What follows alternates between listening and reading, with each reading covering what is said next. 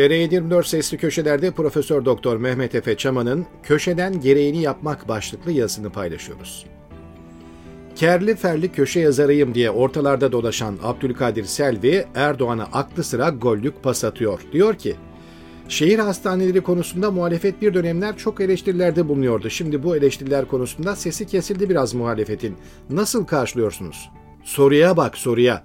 Gazeteci bunu soran sözde. Neyse alan razı veren razı. Bize ne der geçeriz. Fakat mizansen bununla kalmıyor. Karşısına aldığı şahsiyetsiz, menfaatçi, ilkesiz, yağdanlıkları hak ettikleri muameleye tabi tutan İslamcı otokrat, Selvi'ye hitaben doğrudan lafı gevelemeden, ima gereği falan hissetmeden paldır küldür bir şekilde diyor ki, Abdülkadir Bey artık köşenden gereğini yapacaksın. Derin, ölümcül, en büyük gürültüden daha gürültülü bir sessizlik. Şahsiyet görmezden gelebilir ama beyin biliyor.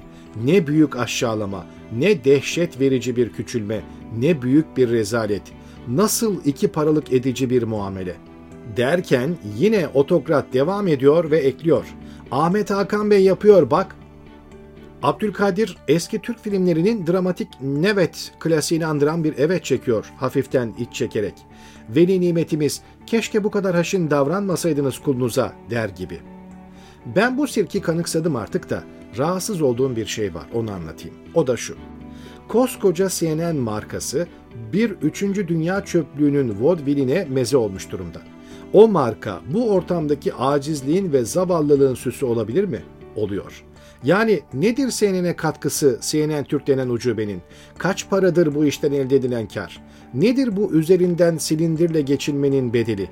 Yani o Alaturka ucube panayırda hokkabazlık yapan, çengelik yapan, hatta maymunluk yapan insanoğullarına alıştık da bu gönüllü köleliğin, bu istek ve şevkle sürünme iradesinin, bu beyin fahişeliğinin uluslararası bir haber devi dekoru önünde onun tanınmış logosunu kullanarak onun kredisinden istifade ederek yapılması düşündürücü. Sefiller arasında nasıl daha fazla sefilleşebiliriz konulu bir yarışma, bir rekabet, bir çekişme olduğu anlaşılıyor. Ahmet ve Abdülkadir bu konuda sanırım en öndeler. Birbirlerini burun farkıyla geçmeye gayret ediyorlar. Ahmet sanırım önde. Otokrat belli ki onun çabalarını takdire şayan görüyor, onu hısmı önünde övüyor. Abdülkadir'i cidden kalbinin en derin yerinden yer alıyor. Yoksa dil devri konusunda Abdülkadir gerçekten efsane bir isim. Baba Ali, tarihte Baba Ali olalı böyle bir performansa herhalde hiç tanık olmadı.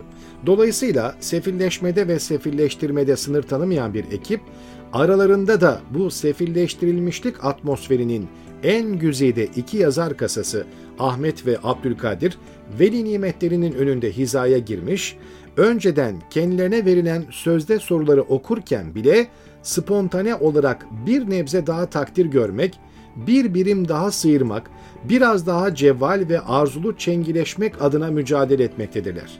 Köşeden gereğini yapmanın feriştahı da olsalar, boy ver derinliği görelim aşamasına daha ulaşılmamış anlaşılan. Havuzun suları belli ki epey derin ve anlaşılan daha dip seviyeye varılmasına çok var.'' Müsterih ol Abdülkadir, yol daha uzun. Debenenme, hızın arttıkça Ahmet'i yakalarsın. Hatta bu kez burun farkıyla bakarsın, sen onu geçmişsin. Veli nimetinizden umudu kesmeyin. Görev adamı olmaya devam edin. Adam kavramını lafın gelişi kullandım. Yalnız bak, aldığın parayı hak edeceksin Abdülkadir. Gayreti kesme. Hadi bakalım. Kim tutabilir be seni, kim? Belli ki İslamcı otokrat dil devri konusunda belli bir standart arayışında.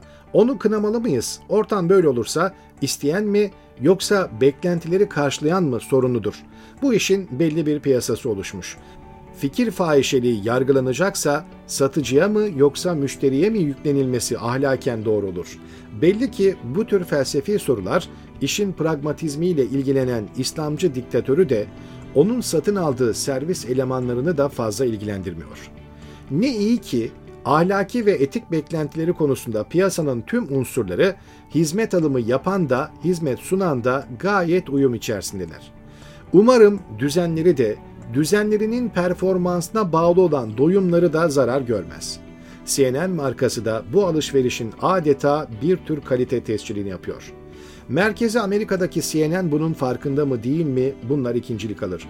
Olayın gerçekleştiği yerin bir Orta Doğu batağı olduğunu, bu oryantal ortamda etik olguların ancak iki bacak arası uçkur meselelerine odaklandığını, hayat gazeteciliğinin zor koşullarında satılık kalem biznesi başta olmak üzere cidden ulaşılması zor bir seviyeye yakalanmış olduğu gerçeğini falan unutmadan bu yazılanları okumayın. Burada rıza prensibi söz konusudur. Hizmet sunanlar ve hizmet alanlar bunu koskocaman bir halkın karşısında yapıyorlar. Bu medya pornografisini herkes izliyor. Bundan belli ki toplumun çoğu gayet memnun. Bu üçgen devam ettiği müddetçe de bu düzenek değişmez. İşin ucunda ballı börekli akçalı bir durum var. Kaldı ki kelime haznesi, cümle kurma performansı, beyin kılcallarına gidebilen kan miktarı, buna paralel üretebilecekleri fikir, hatta idrak kapasiteleri falan göz önüne alındığında bulundukları yeri asla hak etmeyecek bir ekip, bugün rüyalarında bile göremeyecekleri bir hayat standardına bu koşullar sayesinde ve bu rolleri üzerinden ulaşmış durumdalar. Özetlemek gerekirse eğer, bedava mı sandın, para verip aldım, tiridine, tiridine, tiridine bandım durumudur söz konusu olan. Onlardan banmalarını gönüllü olarak sonlandırmalarını beklemek gerçekçi değil. Bu beklenti içerisinde olanlar kendi ahlaksal ölçütleriyle meselelere yaklaştıkları için durumu anlamıyorlar.